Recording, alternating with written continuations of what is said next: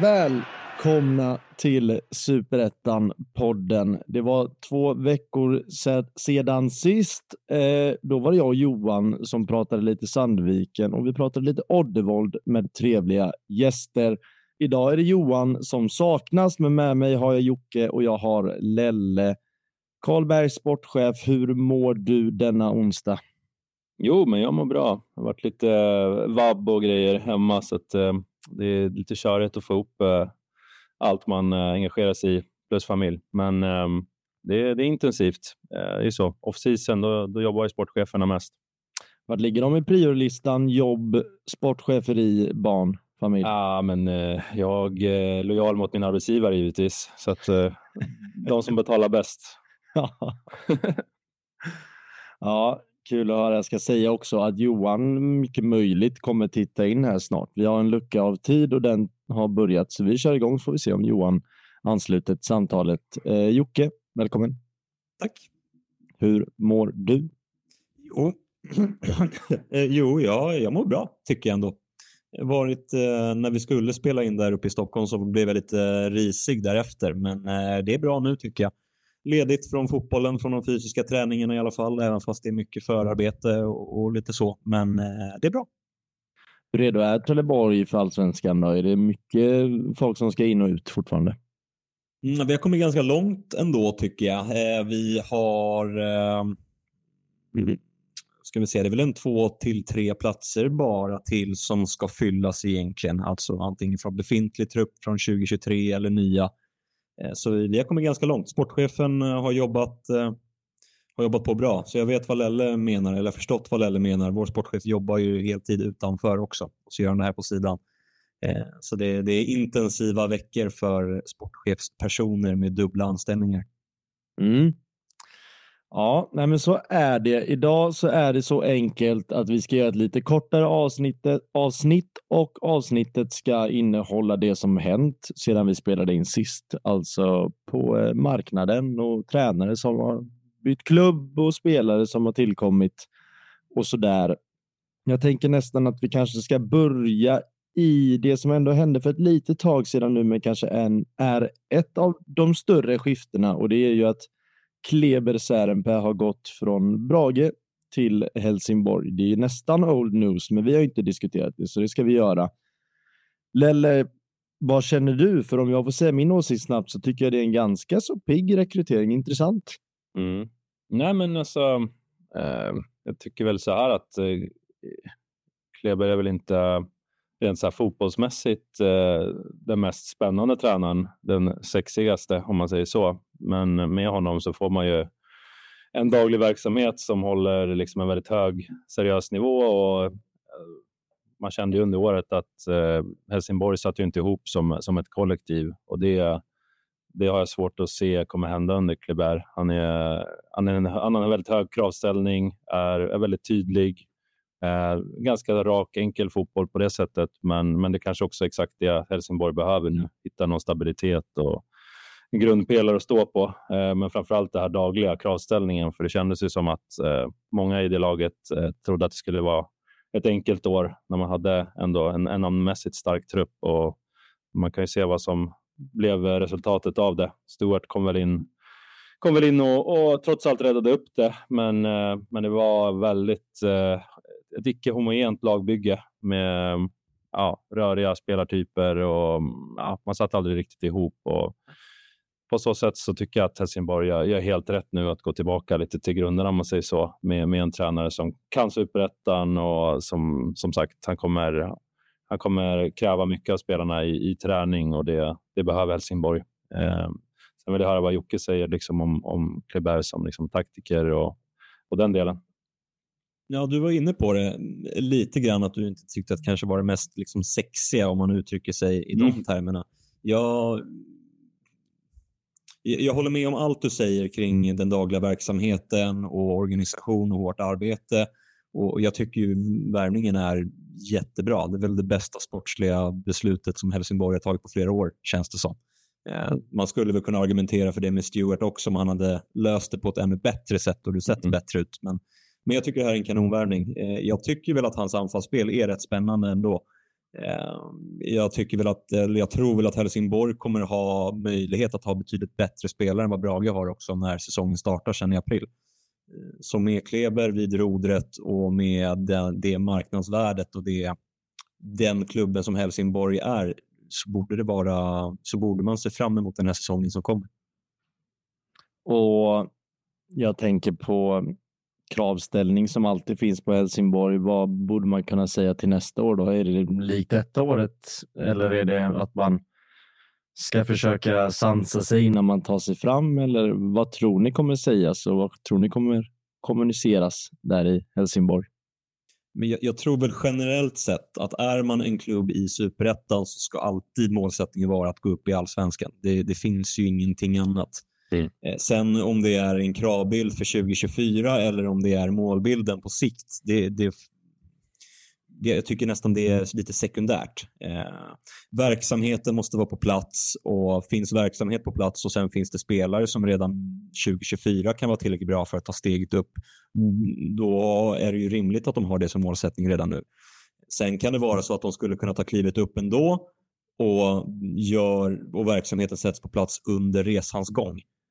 Så det är, väl, det är väl bara en tidsfråga tror jag innan de tar steget upp igen. Sen om det blir 24 eller om det blir 26, det, det får man ju se. Men en klubb eh, tillbaka till allsvenskan kommer det vara. Det, det man har gjort är ju att skapa utrymme nu för att, för att hämta in spelare. Jag har inte full koll på, på ekonomin. Det kan inte ha varit ett bra år liksom, eh, publikmässigt. Eh, Helsingborg har ju, har ju bland de bättre publikskarorna ändå, men, men när det går sämre så förstås, eh, det, det, påverkar väldigt mycket publiksnitt och, och biljettintäkter. Eh, försäljningar har vi inte sett på ett tag och, och man har liksom tvingats göra saker i sommar som säkert kostade pengar, eh, kortsiktiga lösningar. Men, men man har i alla fall gjort, eh, skapat lite utrymme nu med men jag såg att eh, Landgren la av. Eh, Rasmus Jönsson fick inte vara kvar.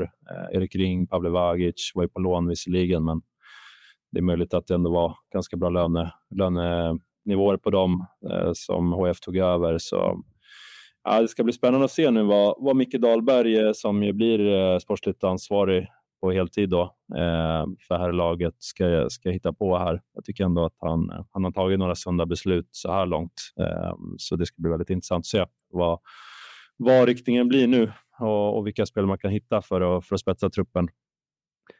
Och Kleber och Dahlberg och kompani, vad är det absolut viktigaste Helsingborg behöver då? Vi pratade anfallare en del under säsongen samtidigt som att vi nämnde att Mushin borde göra det bättre och har gjort det bättre. Vad är det Helsingborg behöver för att ta steget, tror vi? Kontinuitet, eh, framförallt i backlinje målvakt och kontinuitet som ger prestationer som är godkända över tid. Mm. Både kontinuitet i matchning men också i träning. Eh, men, det, men det är ju någonting som vi tror Kleber kommer tillföra, eller hur? Det, alltså det vet man ju inte. Det är, det är klart att han vill ha det, utan det blir ett fysteam och den anpassade belastningen och tidigare skadehistorik, så den, den blir svår. Men när ni pratar om Klibber, det lät som att det lät ju som att det, var, att det var hans USP när ni nämnde honom som tränare. Nej, inte kontinuitet. Det ordet använder vi väl inte, utan snarare tolkningen är att han lägger väldigt det gör ju alla tränare. Men eh, den dagliga verksamheten, att hela tiden den ska vara en hög kravställan. En, eh, nu blir det bara klyschigt. Alla tränare vill ju, vill ju ha sådana här typer av saker. Eh, men eh, någonstans tillbaka ett steg där det krävs ett hårdare arbete med en större klubb. Jag, jag ska inte säga att Helsingborg inte har jobbat hårt, för det är klart de har gjort det. Men det, det är ju en stor klubb som åker ur som har förväntat sig att gå upp direkt igen. Att då med en tränare som kommer från en annan verksamhet som kanske tar hela verksamheten ett steg tillbaka vad gäller lojalitet mot klubbmärke, hårt jobb, eh, se till att verkligen anstränga sig. Eh, laget ska alltid komma före varje spelare och klyschorna fortsätter att hagla. Men, mm. men det är ju någonstans det som, som klubben Helsingborg kanske behöver ändå. vad, vad, är det som faktiskt krävs för att kunna ta steget upp? Och med det, Eh, om, om den dagliga verksamheten finns och kontinu kontinuiteten kommer också i form av att spelarna hela tiden är på planen. Eh, det är då man kan börja göra resultat på sikt också. Mm. Sen att eh, få Thomas Rogne skadefri, det, det kan man inte begära av ens av Kleber. Eh, det, det, har ju med, mycket med skadehistorik att göra, men det är väl lite det Helsingborg behöver tänka också. att ja, men inte bli för eh, ja, men vad ska man säga, nostalgiska också. Eh, att ha kvar, eh, lite som GIF Sundsvall har, har gjort nu, börjat kapa bra namn. Eh, det kanske är lite det som krävs i Helsingborg också, att få in spelare som man vet eh, orkar träna fullt ut varje vecka och, och liksom skapa den där träningskulturen och, som gör att det blir konkurrens också. Eh, så det tror jag nog eh, kommer vara viktigt för Helsingborg framöver. Att jag, jag, kan tänka mig att det är något de, de kommer prioritera, att, att hämta in spelare utan skadehistorik och som inte har några chanser överhuvudtaget eh, och inte gå så mycket på CV som man har gjort tidigare. Ehm, för det finns ju ändå ja, finns ju ändå bra många spelare att bygga vidare på eh, som man kan få ut mer av, särskilt om man, om man har en tydlig spelidé, vilket jag upplevde ja, Stuart kanske någonstans hittade mot slutet, men, men Santos Lindström hittade absolut ingen, ingen tydlig spelidé och började med Stuart så var det ju hela havet innan man började hitta någon, någon jämnhet i prestationer. Mm. Får helt enkelt se när det drar igång igen vad vår kära Kleber har hittat på. Eh, mm.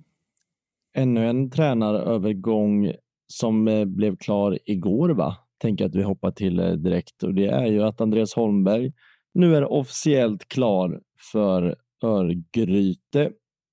Och eh, ja, om eh, Kleber till Helsingborg var en väldigt fin värvning så är ju känslan som att det här skulle kunna vara på samma nivå i alla fall. Eh, det är i alla fall min åsikt. Vad känner ni kring Holmberg till Örgryte? Ja, jag är lite mer rädd i det här fallet. Dels har jag en liten take på när det kommer till eh, tränare som haft gemensamt ansvar.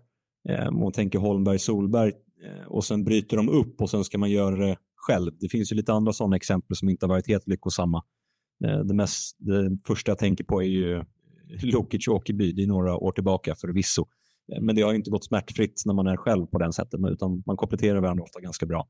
Och, och sen just den typen av fotboll som eh, Holmberg har predikat i Degerfors känns det lite som att det blir samma sak i Örgryte som det var med Jeffrey Åberg.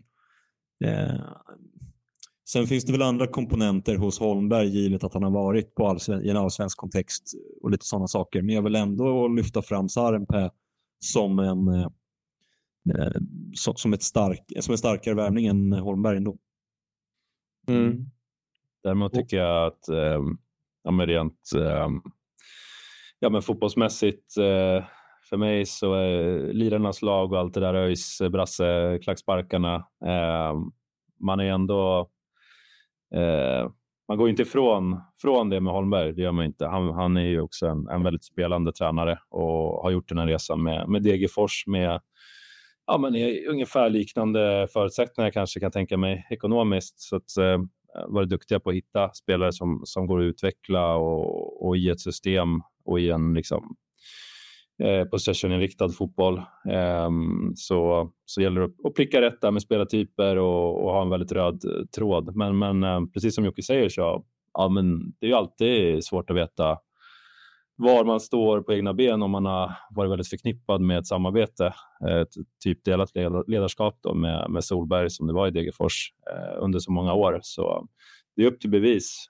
Um, så det, ja, det, blir spännande att följa, men, men spontant så känns det i alla fall som man går inte ifrån sin identitet i, i Örgryte om man tar in Holmberg. Och kul med, med bröderna samlade i Göteborg också, även om det är på olika nivåer just nu.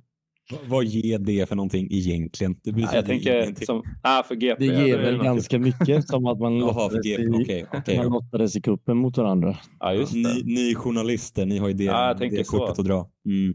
Tänker på Filip Trollér där i, på GP. Han kommer tycka att det är jättekul att föra dem samman. Helt, alltså ska jag vara ärlig så tycker jag ju att det rent ur supportersynpunkt är hemskt att han går till ÖIS. Jag mm. tycker att det löper stor risk att han gör det bra.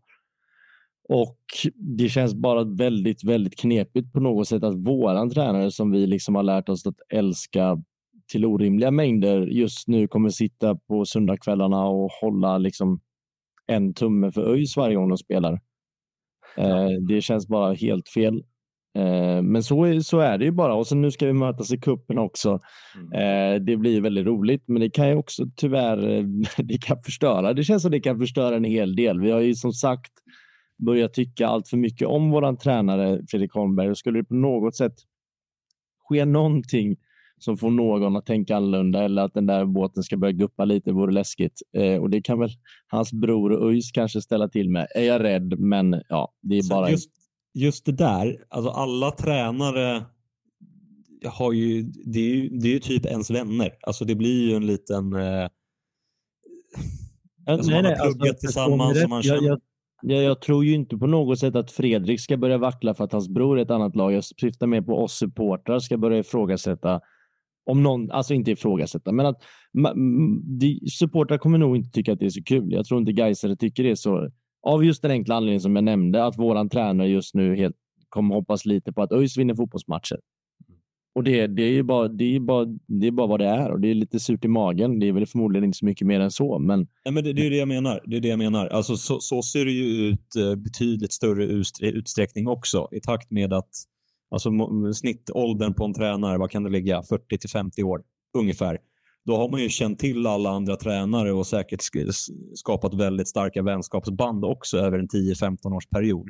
Så även fast det är ett syskonpar nu, nu har jag ingen aning, men det kanske var så att Jeffrey och Fredrik Holmberg har pluggat tillsammans också, känner varandra jättebra, umgås privat och så vidare. Eh, så det, det, finns så många sådana exempel också. Så jag, jag, förstår vad du menar, men jag, jag vill ändå men jag tycker mm. fortfarande att ditt perspektiv, ditt perspektiv är ju utifrån hur, vad tränarna tycker och tänker och känner kring varandra. Såklart. Såklart. Ja. Mitt Eller mer, mer, konsta vad, mer vad konstatera de... att det är oftare Alltså man är så professionell i det ändå, så även fast man har en relation, eller i det här fallet att man är syskon, så man unnar framgång, men eh, man, man kan ha två saker i huvudet samtidigt. Jo, jag vet, men det, det, spelar ingen roll i det jag försöker argumentera för. För den dagen där Fredrik Holmberg säger ja, men brorsan gick upp till allsvenskan nu, det var roligt. Ja, då kommer tiotusentals gaisare sitta där på Twitter och skriva att det här sög och så fan vad tråkigt. Och så, jag menar bara att det finns någon pytteliten risk i att det här inte är bra. Det är det lilla jag menar och inte ur Fredrik eller Andreas perspektiv. De kommer nog prestera mm. exakt samma fotboll som de hade gjort om den andra inte var i en derbyklubb. Eh, men supportrar kanske inte tycker att det smakar jättebra. Så länge de är på olika nivåer så, så känns det som eh, ingen större problematik. Men eh, det är klart, eh, ett allsvenskt kval, eh, gud förbjude för dig eh, Harry. Eh, och att ÖIS ska repa sig så väl, det, det får vi se. Men ja, då hade det varit det, jävligt häftigt. Alltså. Jag känner ju att liksom, risken att vi hamnar i ett kval är nog större än att ÖIS gör det framåt, uppåt. Liksom. Så, ja, ja, så inte Nej, säg inte det. Jag vet. Men det är väldigt långt kvar. Först ska ja. vi njuta av ett allsvenskt år. Men skit i det. Min fråga till dig Jocke angående något du sa för några minuter sedan. Eh, håller du Kleber som bättre tränare Andreas eller håller du bara Kleber Helsingborg som en bättre match än Andreas ÖIS? Men framförallt det. Eh, framförallt det. Eh, just Klebers spelarbakgrund, eh, en lång tränarkarriär, också lite i skymundan och verkligen sett till att Brage har alltså stabiliserats på ett helt annat sätt mot deras förutsättningar. Det, det tycker jag känns väldigt spännande och någonting som Helsingborg behöver. Eh, så om, om man ska ha en femgradig skala där fem är världsklass, alltså i form i, i, i förhållande till vad man är, så är Kleber en 4,5 och Holmberg en 3,5 om man uttrycker sig så. Alltså två bra värvningar, men jag tycker Kleber är lite mer spännande ur klubbkontext. Ja. Mm. Sen um, ska det in en sportchef där i, i ÖIS också. Det, det har ju varit eh, ja, men, egentligen eh, ganska, eh, inte rörigt, men, men sen Igor Krull gick så har man väl inte haft någon liksom, egentligen permanent långsiktig lösning på det. Eh, det var något man skulle lösa internt och delade roller och så vidare till en början. Men nu, nu har man ju landat i att eh, man ska ha en sportchef. Och, och jag har hört att eh, eh Rasmus Lindgren där i, i Häcken, eh, som ju är eh, P19-tränare fortfarande tror jag. Eh, ska vara ett, eh, ett intressant namn för, för Örgryte i den rollen. Så um, vi får väl se. Men, eh, men att han är på någon, någon eh, shortlist, eh, det är informationen jag har fått. Eh, så får vi se om han är ja, möjlig att få loss eller om han själv vill ta det steget från, från tränarbänken till sportchef. Men eh, Häckens sportchef kanske inte rör på sig i första taget om det inte dyker upp något bättre. Han har gjort det rätt bra där, Martin Eriksson, så, så den dörren är nog ganska stängd ett tag framöver. Rasmus Lindgren har inte Häckens P19. Han har inte det? Nej. Jag är inne på hemsidan nu och ja, kikar. Okay. Jag såg det när jag var inne och kikade. Han var assisterande i P19 2022 och sen så kollade jag ju här, akademin, stod han ju som tränare. Han kanske har lämnat då? Uh, ja, det, han, han står som trä... Det här är jättekonstigt. Han står som tränare på pojkakademin P19. Ja. Men när man går in på bara P19 så står han inte som tränare. All right. Ja, det kanske är någon... Uh, står Jesper Ljung. All right. Ja, vi får väl uh, ha en viss brasklapp. Han i alla fall och han är inte huvudtränare där. Uh, mm. Inte sportchef heller, så att uh, ja, det kanske är ett ett alternativ som, som landar i ÖIS. Vi ska ta oss vidare. Jag tänkte så enkelt att jag ska rabbla upp lite saker som har skett och så får vi se hur mycket vi kan säga om de olika sakerna. Men en sak som jag vet att en av oss förmodligen inte kan säga allt för mycket om, men vet en hel del om, det är ju att Stefan Jakobsson blir kvar i Trelleborg. Jocke, för egen del, det måste ju vara trevligt. Ni har väl en ganska bra relation? Holmberg 3,5 Kleber 4,5, Stefan en femma. Så ja. perfekt. Ja, verkligen. Men, jag, men jag, tycker att, jag tycker att det är helt rätt. Eh, kommer in efter sex matcher och ser man från någon gång 24 framåt utan en försäsong så blir det Trelleborg fyra eller femma i tabellen. Okej. Okay. Eh, så det, det, jag tycker att det talar för att Stefan är förtjänt av en, av en hel försäsong också. Mm. Ja, och hans CV-tal eh, tycker jag argumenterar för det och att eh, ja, åtminstone en chans helt enkelt. Det känns ju så givet. Vi har ju pratat om det förr att det i alla fall vi andra tre i den här podden, att det är väldigt konstigt att konstellationen var så att ASS-tränaren förra året kändes mer som en rimlig huvudtränare, eh, alltså självaste Jakobsson då, eh, när det drog igång. Men eh, ja, kul värvning. Jag var ju med dig eh, Jocke när vi fick reda på det här. Det var lite innan det officiellt. Då blev du glad i alla fall. ja, fick ett litet sms av Stefan där. Mm. Det var muntligt överens. Du blir inte av med mig ska jag Nej, faktiskt jag som frågade honom. Eh, sen kan vi väl bara studsa vid lite spelare tänker jag. Milovanovic som var ganska så eh, framträdande för Kiken förra året har gått till Gais. Eh, Kiken i stort, tror ni de kommer bli av med så mycket mer? Vi snackade ju om att deras spelare inte skulle vara så intressanta för resten av klubbarna i Sverige? Vad tror vi? Mm, jag vet att eh, min gamla gubbe Willem Nilsson som ändå har gjort en bra säsong, framförallt på våren, eh, han är i Bosman nu, så det, där finns det allsvenskt intresse. Det är vänsterfotad, eh, fysiskt stark mittback eh, och, och, gratis. Så det, det, är klart att där, där finns det säkert chans att ta sig in i någon allsvensk trupp. Eh, jag vet att det det är någonting eh, han och, och rådgivare hoppas på i alla fall. Sen så, så kanske inte dörren är stängd för Utsikten, det vet jag inte. Men, men eh, han har nog inte bråttom eh, på så sätt. Han borde kunna få ganska bra kontrakt i Superettan om inte annat. Så um, det skulle kunna vara en allsvensk värvning. Um, sen um, undrar man ju lite... Lukas Hedlund kan väl Ja, såklart. Nej, det känns ju inte som det. Uh, gör man en sån säsong uh, så sen kan det ju vara någon utländsk klubb givetvis, men eh, jag har inte hört någonting kring honom. Nej, och det känns både som att löner kan du ju hämta ganska mycket bättre bara i superettan, gissar mm. jag. Jag vet inte vad han har i kiken, men jag skulle gissa det. Eh, JV har ju varit tydlig med att han inte ska bli kvar. Eh, får vi se vad som händer där, men då öppnas det en plats i öster. Mm. Ganska många klubbar, även Örgryte, sitter ju inte på någon nia som, som skriker framgång heller. Eh, vet jag inte om det klubbskiftet kanske är något som lockar honom, men skulle kunna vara. Eh, det känns som att eh, även något allsvenskt lag eh, kanske vill ha en andra anfallare eller någon som utmanar sin nia. Mm. Ehm, så ja, får vi se vad Kiken tappar, men Milovanovic är ju ett tapp, det får man ändå säga. Han var ju väldigt fin, framförallt på hösten, men över hela säsongen. Ja, verkligen. Känns det, känns det som en pigg injektion eller? Ja, jag tycker ändå det. Ni honom? Ja, eh, vi behöver eh, fylla upp vårt eh, mittfält. Dino spelade ju ganska många Dino Salijovic matcher förra året. Mm.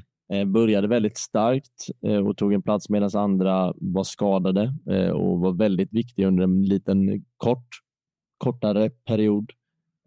Men jag tror att det är en uppgradering ändå och jag tror ju så som Fredrik har spelat så får spelarna spela i vårt lag så han kommer ju absolut ta en plats, antingen om den är väldigt stor eller någonstans däremellan eller liten. Men eh, att han spelar i allsvenskan nästa år, det, han kommer få minuter.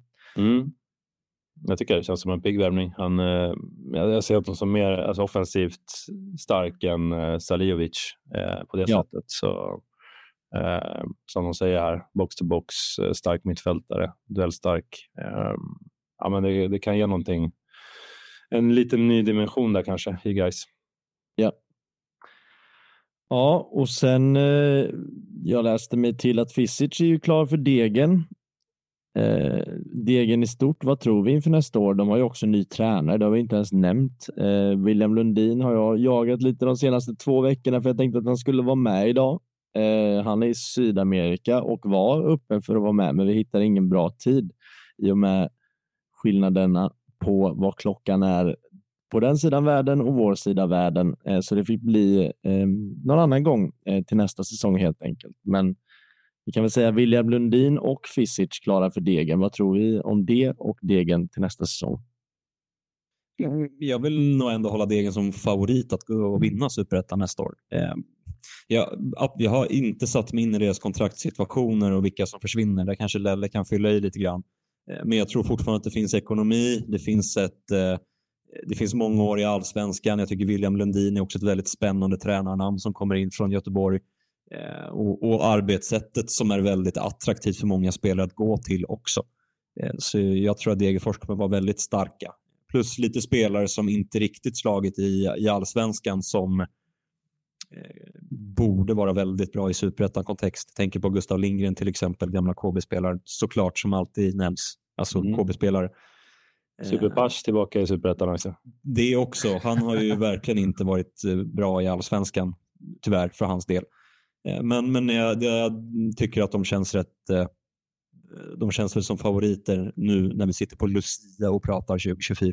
Ja, exakt. Men, men jag tycker det, man kan peka på ganska enkla saker tycker jag för att ett lag ska ha bra förutsättningar att vinna den här serien och då tycker jag att Pasch är en sån sak. Eh, jag tycker ändå William Lundin borde vara en sån sak och eh, Degen har ju precis varit i allsvenskan så truppen beroende på vad man får behålla är ju i ganska starkt slag superettan mått mätt eh, får vi anta. Ja, som, som eh, Jocke var inne på i början. Eh, jag tror att de, när de gick upp så, så var de ju i absoluta toppskiktet på, på lönenivå i, i superettan då. Och jag tror inte att de eh, kommer liksom behöva gå igenom något särskilt stålbad. Jag tror att det är rätt bra balans i, i kassan där eh, för att klara en nedflyttning och ändå kunna satsa jämfört med många andra klubbar och, och få in spelare som har en, en lite högre löneribba än, eh, än i andra lag. Så att de, de är nog attraktiva att gå till också eh, av många skäl. Jag läser igenom här och jag har inte så mycket mer. Det jag har är lite GIF-grejer och Johan dyker ju aldrig upp så det känns inte så kul. Men vi kan ju bara nämna att Stenshagen lämnar. Eh, Ludvig Svanberg ser ut att bli klar eh, permanent för Giffarna. Eh, Mm. Lämnar Hammarby. är det officiellt till och med. Ja, okej. Nu. läste- Ja, okej. Du ser, då kan vi säga att Stenshagen väck Svanberg in. Eh, och sen eh, läste jag lite kring Durmas och vad som egentligen hände där. Eh, och då har vi bara fått svar från, från GIF-håll att eh, de pratar med AIK eh, angående Elias Durmas. Så där får vi se. Vad tror ni om den situationen? Det känns ju som att Elias Durmas kanske har lite andra alternativ. Han gjorde ändå en bra vård i GIF. Ja, jag vet inte. Jag tror jag, all in all så var han faktiskt en besvikelse. Eh, det blev inte, väldigt många, det blev inte så värst många poäng eh, om man tittar på det, bryter ner det och han kom dit för att göra poäng. Så att, eh, jag tror inte att de är jätteintresserade av, av att knyta upp honom heller permanent. Ja, men det, där, där kommer det ju hända en jäkla mycket, massa i, i försäsongen här. Det är, jag menar, Linus Alenius har fått eh, kalla handen, får inte vara kvar. Eh, var väl säkert bland ja, högst eller topp två betald i laget och skadehistorik. Och då valde man att eh, spara de pengarna och, och, lägga det på annat i verksamheten nu när man måste, de måste ju å andra sidan gå igenom ett stålbad. Då. Så att, eh, tuffa beslut. Eh, Linkvist fick inte förlängt, eh, som jag har varit en bra spelare i många år, men, men eh, ja, haft problem med, med kroppen och, och inte kunnat träna ordentligt. Eh, vad som händer med Robert Lundström eh, är också lite osäkert här. Jag tror att de, eh, de behöver ju sänka hans lön eh, om man ska vara kvar, eh, alternativt hitta någon externt kapital för att finansiera honom. Så det, det, är inte säkert att han blir kvar heller. Så det, det kommer bli ett en väldigt ombyggt GIF Sundsvall nästa år. Ehm, och det är, det är ett högt spel, men, men det är kanske är det som behövs efter att man, det känns som att man har famlat i, i hela året där med den truppen. Något att tillägga Jocke? Eh, Nej är tillåtet. Till Vad sa du? Nej är tillåtet om du känner att du inte har något. Ja, men det, det, silly season är ju så spännande. Mm. Det, Sandviken har ju plockat in lite spännande spelare också. Ja, och inte var rätt uh, ungt i två värvningar klara va? Ja, jag läste och... Malashovski Torell är klar för mm, han också, ja. Sandviken. Ja. Nej, men det, det händer mycket spännande saker hela tiden. Jag tror att om du hade tagit fram transfermarkt nu och sett vilka spelare som lämnar respektive klubb så hade du kunnat, hade du kunnat fyllt ut det här avsnittet betydligt mer. Men då blir det ju bara att sitta och spekulera hela tiden och det, Ja, det blir mer eller mindre olyssningsbart om vi ska gå igenom alla de här eh, namnen som ingen känner till som inte får förnyat kontrakt. Eh, men det är väl lite kul att Sandviken och eh, Oddevold kanske bråkar om de två mest eh, intressanta namnen i alla fall. För de, Sandviken har som sagt värvat Malashovski mm. och eh, Oddevold har värvat Alex Jojo. Ja, just det. Det såg jag också. Inte mycket på någon av dem, men eh, det är klart Oddevold och Sandviken ska nämnas i ett superettan-avsnitt nu när de har tagit sig till finrummet. Typ glömt vilka som åkte ur. ja. tänka efter. J Södra åkte ur. Ja, där finns ja. det mycket att fynda. Ja, där finns det också ja, nio spelare som drar läste jag. Mm. Ja. Jag tänkte mm. tacka för den här gången. Det blev ett kortare avsnitt och det blir faktiskt så att det är det sista avsnittet och nu ska vi gå på lite julledighet. Eh, det ska bli skönt, Lelle.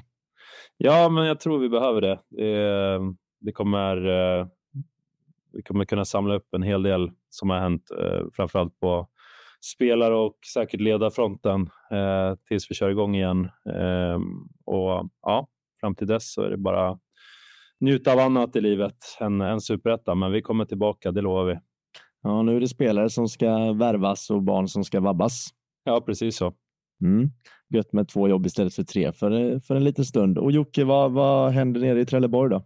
Nej, i Trelleborg för min del händer inte så mycket just nu, utan det är planeringsarbete och lite sånt. Men jag, jag jobbar ju eh, mycket, tänkte jag säga. Inte full tid, men 75 procent utanför också, så det, det, är full fart. Och vart firas julen? Eh, julafton och dagarna där blir uppe i Stockholm. Eh, så uppe en fyra, fem dagar och sen ner och så blir det nyår nere i, i Skåne. Trevligt, trevligt. Då önskar vi en eh, mysig Lucia, önskar vi. vi önskar en god jul och ett gott nytt år till alla lyssnare. Tack så ofantligt mycket för att ni har varit med och lyssnat på avsnittet den här säsongen. Superettan-podden görs av Rekat och Klart. Ha det gott!